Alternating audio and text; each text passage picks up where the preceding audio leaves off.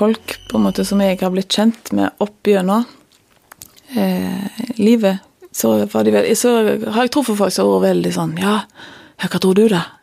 Kristbjørg Bjelland vokste opp sammen med Birgitte Tengs på Karmøy. Det er, ikke et, det er ikke et halvt år siden engang, tror jeg. At jeg måtte fortelle når, 'Å ja, Guri malla, kjente du henne?' Ja. Um, og da Ja, vi vokste opp på samme plass og gikk i samme klasse, og, og da er det Jeg vet jo mest, med nesten 100 sikkerhet da, at da kommer spørsmålet Ja, hva, hva tror du, da? Hva svarer du da? Nei, jeg, vet ikke. Jeg skulle ønske at det var, det var et svar. At det, eller at det var ja, en løsning på dette. Vi venter jo ennå på et svar.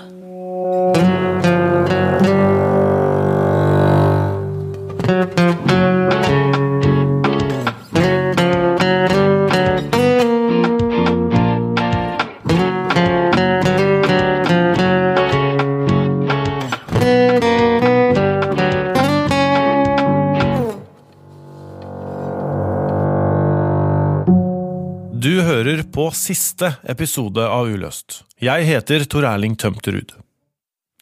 I 1995 blei 17 år gamle Birgitte Tengs funnet drept på Karmøy. Fetteren hennes blei først dømt for drapet, så frikjent i ankesaken. Men der blei han samtidig dømt til å betale 100 000 kroner i erstatning til foreldra til Birgitte, hans egen onkel og tante. Han er altså erstatningsansvarlig for drapet. Hvem var det som drepte Birgitte Tengs? Familiene trenger svar. Jeg har fått litt håp, men jeg prøver å, å dempe meg, for å si sånn. Dette er faren til Birgitte, Torger Tengs. En ny tilståelse tror jeg aldri må komme til å Det er aldri noen som kommer til å innrømme noe som helst. Det kan jeg bare glemme. Så hvis, hvis de finner noen eh, nye spor og tar utsiktelse på nytt igjen, så blir det en, et bikkjeslagsmål igjen. De jeg har hatt en påstand om at uh, det er gitt et uberettiget drapsstempel på ett av mine barn. Dette er faren til fetteren. Uh, det stempelet vil jeg gjerne ha vekk, selvfølgelig. Men uh, jeg syns at vi som sitter på såpass opplysninger, vi er forplikta til å drive denne saken videre. Så jeg tror fortsatt at drapet på Birgitte Tengs blir oppklart. Ikke med hjelp av politiet, men på tross av politiet.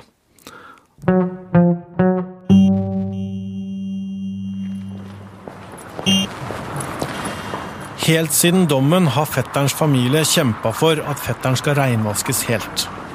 De vil at politiet skal gjøre nye undersøkelser. Reporter Sindre er på politihuset i Haugesund, der Tor Buberg har hatt ansvaret for Birgitte-saken de siste 15 åra. Hei. Hyggelig å se deg igjen. Ja, vi så.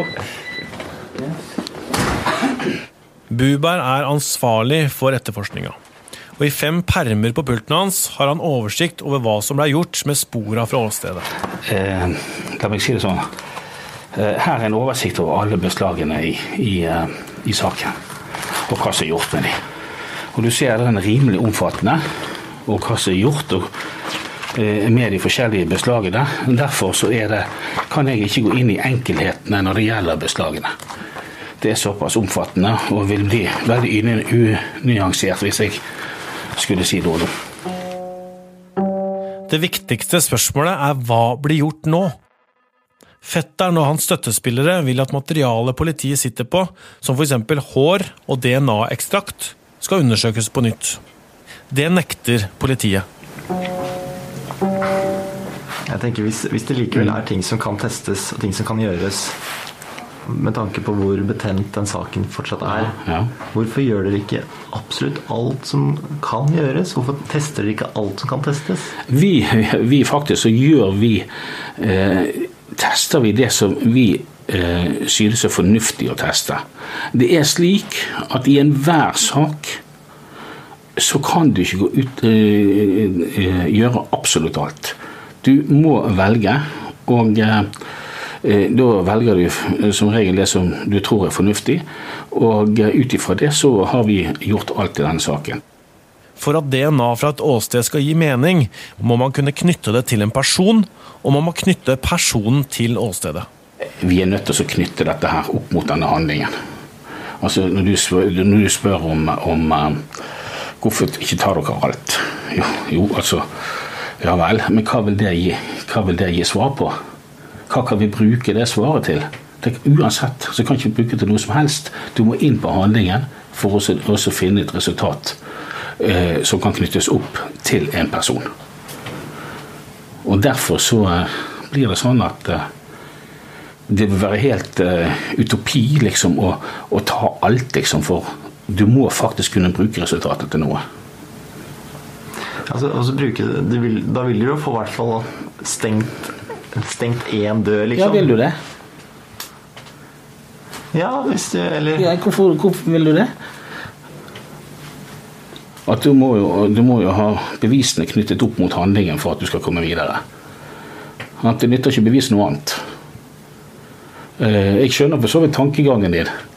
At, hvorfor tar dere ikke alt jord? Det vil jo selvfølgelig eh, Hva skal du si I virkelighetens verden så er vi nødt til å sette et, en stopp. Og den stoppen går med det som vi synes er fornuftig å ta. Nå sitter ikke vi på Uh, har ikke vi eneråd på, på, fornuften, men det er i hvert fall vi som sitter og behandler denne saken. Og vi, ut ifra vår fornuft i hvert fall, så har vi tatt det som fornuftig å ta. Og vi vurderer som sagt stadig uh, å ta nye undersøkelser her, basert på eventuell ny teknologi som kommer. Vi må altså stole på fornuften til de som behandler saken nå. Men hva hvis vi ikke stoler på politiets vurderinger? Problemet er jo nettopp at mange har mista tilliten til politiet i denne saken. Det har blitt gjort så mange feil, og det har blitt holdt tilbake så mye informasjon. Det kan godt hende at svaret Buberg gir er riktige, men det er vanskelig å vite når vi ikke får muligheten til å vurdere spora sjæl. Hva skjer når man ikke stoler på politiet?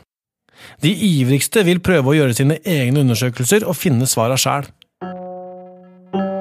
Men hvem har de helt konkrete svara vi trenger? En av dem som kan ha det, er kriminalteknikeren Hans Barane, som er makkeren til To Buberg i Haugesund. Jeg, jeg, klarer rett og slett ikke gå inn i dette her eh, opplegget her helt konkret. Jeg, altså. Da må jeg ha med meg han mannen som kan dette til fingerspissene. Og han kan, eh, kan, eh, kan, forklare hva som er gjort og hva som ikke er gjort når det gjelder det tekniske der.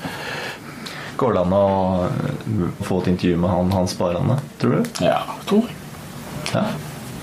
Baran er jo en, eh, er jo en mann som har, har, oversikten her. Og uh, så jeg tror sikkert at uh, han kunne det. Så vi ringer kriminaltekniker Barane. Han kan gjerne svare på spørsmåla våre. Men, sier han, dere må spørre politimesteren om han kan løse meg fra taushetsplikten først, så jeg har ryggen fri. Vi kontakter politimester Steinar Langholm i Haugaland og Sunnhordland politidistrikt. Han har hørt på Uløst, og han syns at i episoden om tilståelsen kom politiets side for lite fram. Nettopp, sier vi da, det er derfor det er viktig at dere er med. Politimesteren vil gjerne tenke seg om og se spørsmåla på forhånd. Vi sendte ham spørsmåla, blant annet. Hva skjedde med hårene fra hårtjafsen som blei funnet i hånda til Birgitte, som ikke blei undersøkt? Og hvorfor sier politiet nei til at fetterens familie sjøl kan sende materialet til utlandet for nye tester? Svaret kommer fra politimesteren. Hei igjen. Jeg er kommet til at jeg ikke ønsker å frita Hans Barane fra taushetsplikten. Grunnen er at vi stadig får inn tips, og jeg ønsker derfor å holde noen av kortene inntil brystet i tilfelle vi får grunnlag for å gå videre med etterforskningen. Håpet mitt er at vi en gang skal klare å finne en løsning på saken, og jeg ønsker derfor ikke ta noen sjanser som kan motvirke dette. Med vennlig hilsen politimester Steinar Langholm. For denne siste episoden er reporter Sindre med meg i studio. Så det er, eh, det er jo litt rart da, at eh, politimesteren, som først sier han vil høre mer fra deres side, så velger du ikke la folka sine stille opp. Mm. Altså, hvorfor er det sånn at eh, vi ikke har fått flere til å stille opp? Nei, Det er i hvert fall ikke fordi vi ikke har spurt. Jeg tenker at uh, Underveis så har vi jo fått noen kommentarer som, som, sier akkurat det at hvorfor er det ikke flere fra myndighetenes side, hvorfor er det ikke flere fra politiet som snakker? Og vi har jo virkelig gjort alt vi kan, føler jeg, med å få de i tale. Altså, vi har ringt rundt til gamle politifolk, gamle Kripos-etterforskere, mm. som, som, jobber med saken. Mm. Og det de sier, er jo at uh, det er så lenge siden. Mm. Jeg har ikke tid til å sette meg inn i den saken igjen. Jeg ønsker ikke dvele ved det. Jeg har lyst til å gå videre. Jeg ønsker ikke å, å jobbe mer med det. Så Det er jo det er rart da, altså at de kan si det på en sak som fortsatt er under etterforskning. Jo, men Mange sier jo at eh, de ikke har lyst til å legge flere steiner til byrden til eh, familien til Birgitte. da. Mm. Ja, altså At de ikke ønsker å stille opp for, av hensyn til familien hennes. ikke sant? Sånn, mm. Blant annet han eh, etter, etterforskningslederen fra Kripos, Ståle Finsal, og dommeren i lagmannsretten, Steinar Trovåg, sier jo akkurat det. Mm. Men eh, vi har jo, vi jo snakka med familien til Birgitte. Altså Torgeir Tengs ønsker jo at de folka her skal fortelle om saken. Men selv når vi har innhenta tillatelse fra Torgeir, så sier de jo at nei, jeg ønsker ikke stille opp likevel. Så på en måte så bruker de Birgittes familie som en unnskyldning. Da. De skyver de foran seg som en grunn for å ikke snakke om saken. Mm. Og sånn har det vært lenge. Altså, den gamle NRK-journalisten Harald Dale har jo jobba med saken siden han starta, og han har vært veldig kritisk til politiet. De har, de har levert sånne fantastiske sannheter. Det var fetteren. Punktum. Når det viser seg at det ikke var det, fetteren er, frikjent, så mener jeg at det har vært politiet sin simple plikt å gjøre alt de kunne for å minske kløftene i samfunnet. Eneste måten de kunne gjort det på, var å bruke all energi de kunne på å oppklare saken. Sende tingene inn til ny undersøkelse. Sjekke ut alle moduskandidater. Ta tak i alle tråder som måtte finnes. Det har ikke politiet gjort. For husk på at de samme som da helt til slutt tok beslutning om å ikke levere materiale til ny undersøkelse med ny teknologi, det var Harald Grønlien som var aktor i saken mot han, og det var politiet i Haugesund. Så de samme som la premissene for saken i 1997, er de som da nesten 20 år etterpå sier nei til videre undersøkelse. Jeg syns ikke det er bra. Og det òg sier meg noe om måten som politiet har jobba på i denne saken her, at det sitter noe i veggene som sier at eh, vi tok rett person. Og det har ikke vært så stor vilje eh, til å ettergå seg sjøl. Det har vært i hvert for bukken og havresekken-syndrom i dette her. Det er min kritikk mot politiet. Og for så vidt Riksadvokaten òg. Og i dag mener jeg at det er Riksadvokaten som bør trykke på knappen og si at dette setter vi fullt trykk på for å få oppklart. Riksadvokat Tor Aksel Busch er jo øverste leder for påtalemyndigheten. Mm.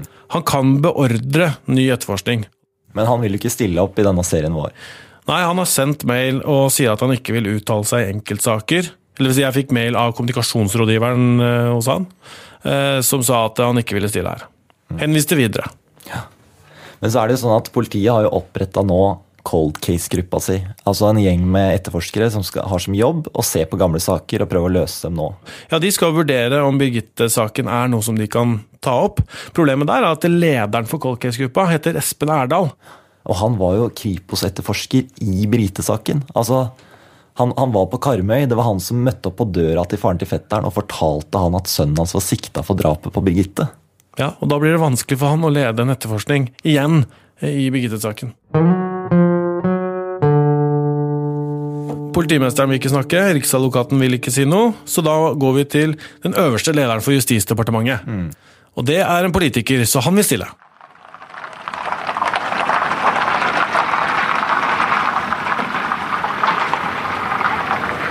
Halla. Hei.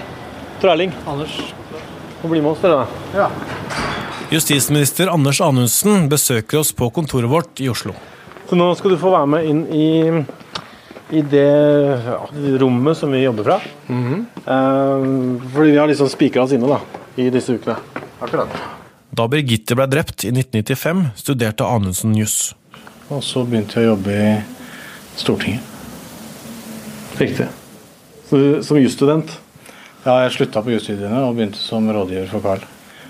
Dette var jo en forferdelig sak. Det er alltid sånn med saker som ikke blir oppklart, at det blir en vedvarende kjempevond erfaring for pårørende.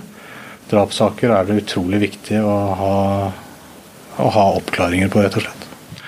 Det er også bakgrunnen for at vi tok initiativ til denne cold case-gruppa eh, i Norge. Det er jo en gruppe som skal med helt friske øyne se på gamle, uløste, alvorlige saker, særlig drapssaker. Og jeg har store forventninger til resultatet. Men samtidig skal vi ikke overdrive muligheten for å oppklare sånne saker heller. For det er som du starta med, altså hva gjorde du i 1995? Du skal tenke deg ganske nøye om uh, hvis du skal klare å komme på hvordan det rent faktisk var. Det betyr jo også at uh, jo lengre tid som går, jo vanskeligere er ofte også bevissituasjonen. Særlig i forhold til vitner. Uh, så en må, må, på en måte ha en realistisk forventning til hva gruppa kan levere.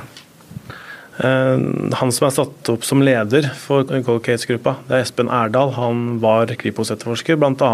i Birgitte Tengs-saken. Hvordan skal den gruppa se på nye øyne med de sakene hvor han har vært involvert? Nei, Det tror jeg nok eh, en løser ganske greit i, i, praksis. Der er vi nødt til å sette Eller ha en bevissthet rundt hvordan den typen saker skal, skal behandles. For Poenget her er jo at du ikke skal dra med deg prestisje fra tidligere etterforskninger. Du skal se på dette med friske øyne. Eh, og Da er det også naturlig i noen sånne sammenhenger å vurdere hva slags eh, Eh, oppfølging og tilknytning noen enkeltpersoner kan ha i en sånn eh, type eh, konkret sak. Har du som justisminister noe du skulle sagt når det gjelder utvelgelse? Nei, vi har heldigvis et helt uavhengig system med en uavhengig påtalemyndighet, så det er ikke politisk styrt overhodet.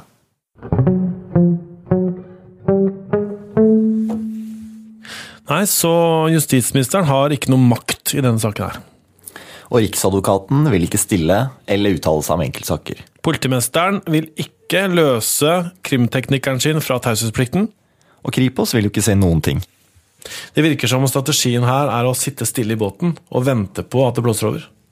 Ja, for den eneste vi får snakke med, det er jo Tor Buberg, politiadvokaten i Haugesund, som sitter der og må svare på alle spørsmål hver eneste gang det er snakk om Birgitte-saken. For, og, det, og, det, er for så vidt naturlig, for det, det, det, er, det er meg og teknikeren som jeg har med meg, han sparende. Det er vi som har eh, stort sett uh, uh, hatt oversikten og, uh, fra 2001 og, så, og frem til dags dato. Hvordan er det å stå i det såpass aleine, da? Ja, det kan faktisk Jeg kjenner på det litt av og til. At det kan bli, at det kan bli litt småtøft. Fordi at du har jo ganske press på deg hele tiden.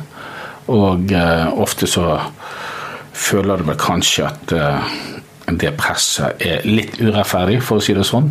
For vi skal jo sitte her og prøve å gjøre en, en profesjonell jobb på dette her. Og, uh, og selv om ikke vi er noen sånn å si, har enerett på sannheten i denne saken, så, så, så kan vi i hvert fall en del om saken. Og, eh, men dessverre ikke nok. Det kan av og til være slik at eh, du føler deg litt alene i systemet. Du blir eh, stående om å fronte en del av alene her. Men, men. Sånn er det. Drapet på Birgitte Tengs fortsetter som saken som så mange kjenner til, men som ingen helt vil eller kan ta ansvaret for. Hverdagen fortsetter på Karmøy. Jeg går ikke og tenker på det hele tida, men det kommer jo opp med jevne mellomrom. Kristbjørg Bjelland, hun som gikk på barneskolen med Birgitte. Og så har jeg Jeg har unger sjøl. Og de har De vet De er jo veldig opptatt av at vi bare var to i klassen. Og så, og så jeg, på en måte, jeg venter jo litt på den dagen der de skal spørre. Eh, for de lurer, lurer, på om jeg, om jeg er venninne med henne nå. Så har jeg sagt at nei, hun er død. Ja, hvordan døde hun? Nei, ja, hun ble drept. Ja, så har de på en måte ikke gått videre på den. Men de, de, den dagen kommer på en måte der at de spør igjen, på en måte. Og det er ganske det er, jo, altså, det er en del av livet, ja at de skal få vite det, men eh, det er litt sånn Det er litt grotesk òg, at du skal få, må måtte fortelle til ungene dine at uh, hun som mamma gikk på skolen med, hun, hun var jo noen som drepte. Ja, også at eh, gjerningsmannen Ja, og han er, er det ingen som har tatt.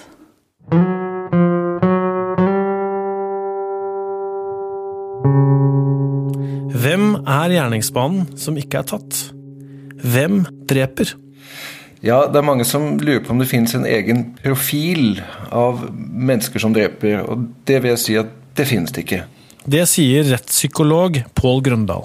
Det finnes ikke én type mennesker som dreper, fordi årsaker og personer bak er så forskjellige.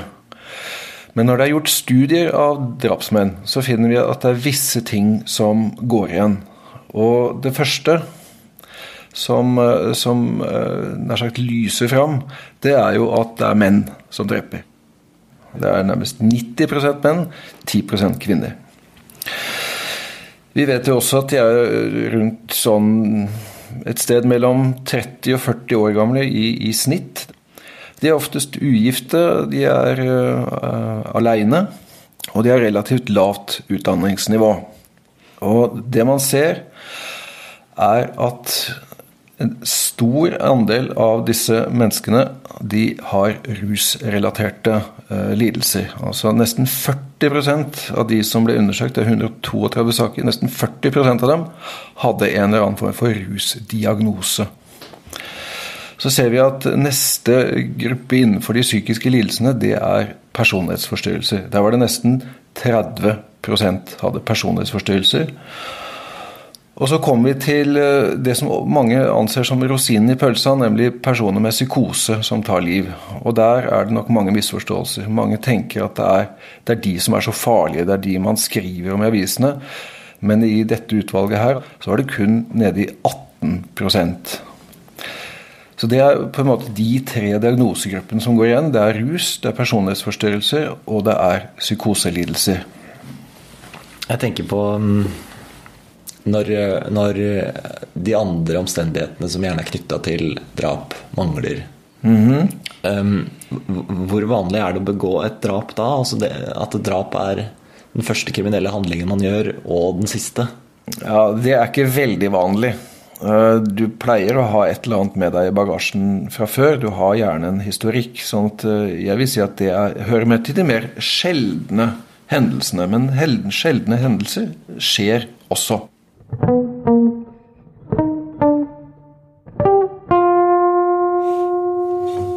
Erling, vi har jo jobba med det her noen måneder nå. Hva tror du egentlig? Jeg skjønner hvorfor fetteren kom så fort i søkelyset. Altså, han hadde vært i sentrum, der som Birgitte var. Han bodde rett ved Birgitte, han kjente Birgitte. Eh, han hadde de blotte episodene, som politiet visste om. Eh, lærerne begynte å ringe inn og si at han oppførte seg rart. Jeg skjønner hvorfor han eh, kom inn. Men han var ikke den eneste som hadde mistenkelig oppførsel der? Det var jo andre kandidater òg? Ja, ja, det som er spesielt, er at i løpet av de ukene her så har jo flere folk ringt eh, direkte til meg og fortalt om andre folk som oppførte seg mistenkelig i den perioden. Det var en kar som som møtte opp eh, mandagen etter med altfor mye klær, liksom. Fordi det var, eh, det var mai, og det var varmt. Eh, en annen hadde rispa opp i ansiktet, og det var jo da kolleger av han som har ringt meg at ja, han også oppførte seg rart. Kanskje det var han. Men, men hva tror du, da? De som mener at det er fetteren som er skyldig, har jo en sånn stor tro på den tilståelsen. Men mm. det vi har vist, er at den tilståelsen kom fram på en måte som, vi, som, gjør at vi nesten ikke kan legge vekt på den nå. Um, vi skal ikke drive og tolke og synse. Det er liksom ikke vi som uh, har det som jobb. Mm, ja, for det, det, var akkurat det som skjedde med fetteren. Altså Alt han gjorde, ble jo mistenkeliggjort. Men jeg tenker samtidig at det er veldig menneskelig å begynne å spekulere i det. Ja, ja, Men hvis vi gjør det, så blir vi jo de lærerne som der var ringt inn. Vi blir liksom politiet som, som, som begynte å spekulere og, og, og, følge disse rare ryktene. Mm. Men eh, jeg tenker likevel at du må jo ha gjort deg noen tanker som du kan si noe om?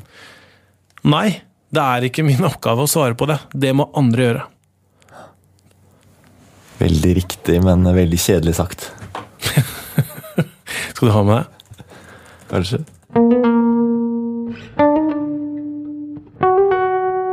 Vi veit at du som hører på, gjerne vil høre fetterens versjon. Jeg har snakka med han om han ville være med i denne siste episoden. Han tenkte på det i flere dager, men bestemte seg til slutt for å si nei. I dag bor fetteren i Norge, han har en vanlig jobb og familie, og verner så godt han kan om privatlivet og historien sin. Han vil ikke at denne saken skal handle om han, men om Birgitte, den 17 år gamle kusina hans som ble drept, og gjerningsmannen som fortsatt går fri.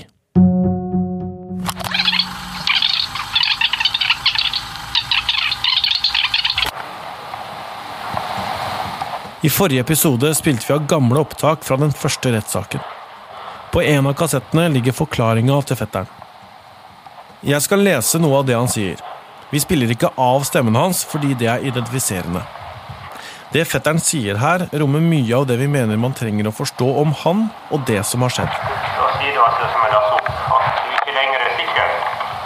Den du hører stille spørsmål underveis, er aktor Harald Grønlien. Det er vanskelig å høre, men han lurer på hvorfor det tok så lang tid før fetteren trakk tilbake at det var han som hadde vært oppe på Gamle Sundsveien og drept Birgitte. Er? Fetteren sier ja, jeg trodde jeg hadde gjort det. Jeg opplevde det som fantasi, det jeg dreiv og snakka om. Men jeg blei fortalt gjentatte ganger at nei, det er ikke fantasi. Det er bare sånn det oppleves når du har fortrengt noen ting. Du, du, du kommer nå inn på det her med at du, du mangler noen drømmer, sier du. Betyr det mye for deg? Aktor spør om fetteren noen gang har drømt om drapet. Jeg forstår det ikke. Jeg har lagt meg hver kveld, jeg. Fram til nærmere nå, og vært livredd for at bildene skulle komme. At jeg hadde fortrengt dette. Jeg var redd for å legge meg om natta. Jeg har lagt meg, og vært redd hver jævla kveld. Og det har ikke kommet, for jeg har ikke vært der oppe. Aktor spør igjen om hvorfor det tok så lang tid før han fortalte at han tvilte på tilståelsen.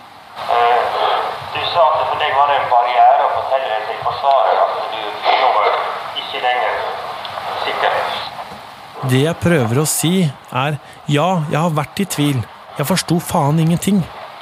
Her har jeg trodd at jeg kan stole på hjernen min. Det tror jo alle. Men så ble jeg fortalt at nei, du kan ikke stole på den. Den bedrar deg. Hva skal jeg gjøre da? Du sitter jo bare der som et stort spørsmålstegn. Jeg vet ikke om jeg fikk et helt klart svar på det som jeg spurte om altså. Aktor gjentar spørsmålet sitt og sier han refererer fra politiavhøra. Jeg stolte på politiet, og så trodde jeg på det de hadde å si. Og så har jeg vært ærlig hele tida, og det har jeg blitt straffa for. Jeg har sittet i ett og et halvt år i fengsel fordi jeg har vært ærlig. Og derfor kan jeg ikke sitte her og si at jeg er noen morder, for jeg har aldri vært der oppe.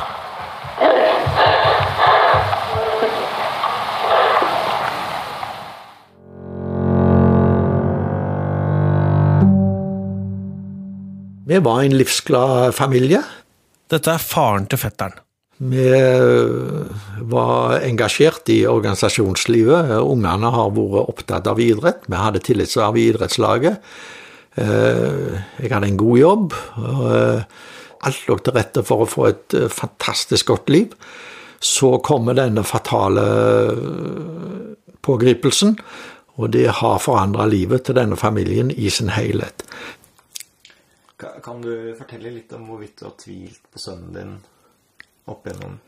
Nei, jeg har aldri tvilt. Uh, absolutt aldri. Uh, men det er klart at jeg er jo glad egentlig på at jeg tok imot han denne kvelden. For det er jo klart at hadde jeg ikke tatt imot han, så hadde jeg liksom uh, Da hadde jeg vært i en litt annen situasjon. Det er ingenting som er absolutt her i verden, og, og en må ikke tro at ens egne er noe bedre enn andre. Det er faren til fetteren og Birgittes mor Karin som er søsken. I dag har de ikke kontakt. Verken Karin eller mora til fetteren har ønska å delta i denne serien. Det er jo eh, selvfølgelig ødelagt hele familiebåndet, og eh, denne familien har jo stort sett ikke kontakt med, eh, med noen. Ja. Vi avholder konfirmasjoner, bryllup og dåp. og blir jo, det blir jo ikke representert av noen fra min side. Og toppen på kransekaka var vel at vi ble til og med utestengt fra minnestunden når min far var død. Og det er klart at det, det er prisen vi må betale for at Riksadvokaten ikke skal få i lakken sin, og det syns jeg, jeg er trist. Det, det, er ikke mye hår på brystet på denne Riksadvokaten, det må jeg virkelig si. Jeg prøver å forstå hvordan, hvordan, det er for deg å fortsette å kjempe og kjempe og kjempe i så mange år, Og hva sønnen din eh, syns om det du gjør. Nei, han øh, han eh, ser at vi sliter og vil helst at vi holder fingrene av fatet. Men eh, det er ikke så enkelt. Når det blir begått urett mot ens egne barn, så eh, ligger det nok nedfelt at da kjemper en.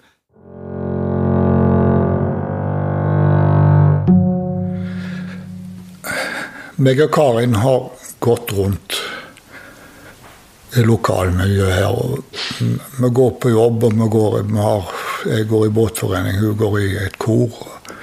Dette er faren til Birgitte, Torgeir Tengs. Ingen av oss snakker om dette her ute blant folk. Uten at det spisser seg, at folk spisser seg opp imot oss, for å si det sånn.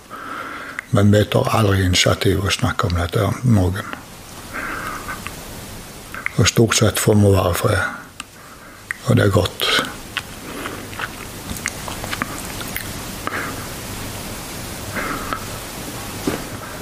Vi har hatt som et mål å holde oss i arbeid og leve et liv, for oss en sånn, best vi kan.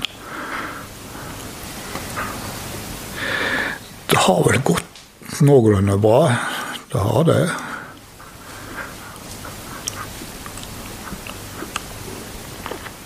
Vi har en båt, som sagt, som vi bruker ferien på. Vi reiser en tur til Syden om vinteren eller høsten. Så året går. Ja.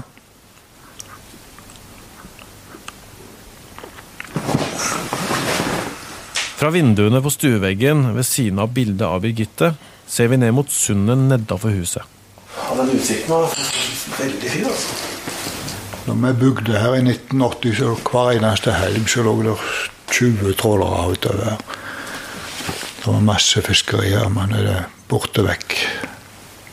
På den andre sida ser vi en svær, grå hall. Hva er den store bygningen på andre sida av sundet? Det er en uh idrettshall som nettopp Vet ikke om de har flytta inn en gang. Det er innebygd fotballbane, rett og slett. Noen hundre meter nedover veien sitter faren til fetteren i huset sitt og har den samme utsikten. Ja, Den hallen kunne vi godt vært foruten, men uh, verden består ikke bare av oss. Vi må akseptere at det er andre òg som har krav på plass. og det er jo en fullskalahall for fotball. Jeg skulle ønske han hadde kommet en litt annen plass, men ok, der ligger han, og vi har bestemt oss for ikke å irritere oss over han. Eh, når vi sitter her om kveldene og det er helt stilt, så er det utrolig fascinerende å se når higren setter seg her og plukker fisk. og der er fiskestimer som koker rett utenfor brygga her, og dette er en kjekk plass. Aldri vært problem å bo på Karmøy. Her kommer jeg til å daue, garantert. Det var lettere å snakke om det. det var jo det. Det var lettere, det.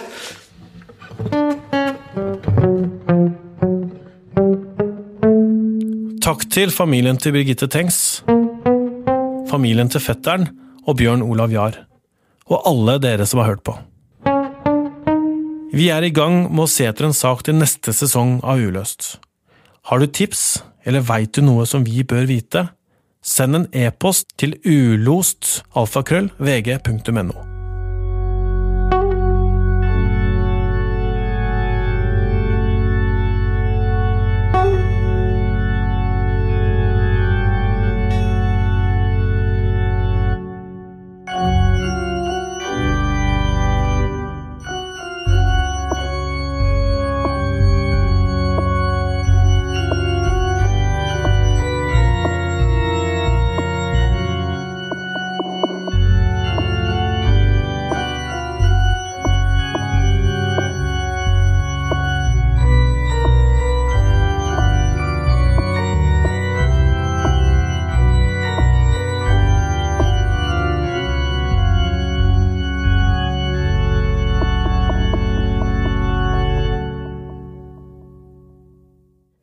Uløst er laget av Tor Erling Tømt Ruud, Sindre Leganger, Kristine Hellesland og Katinka Rondan.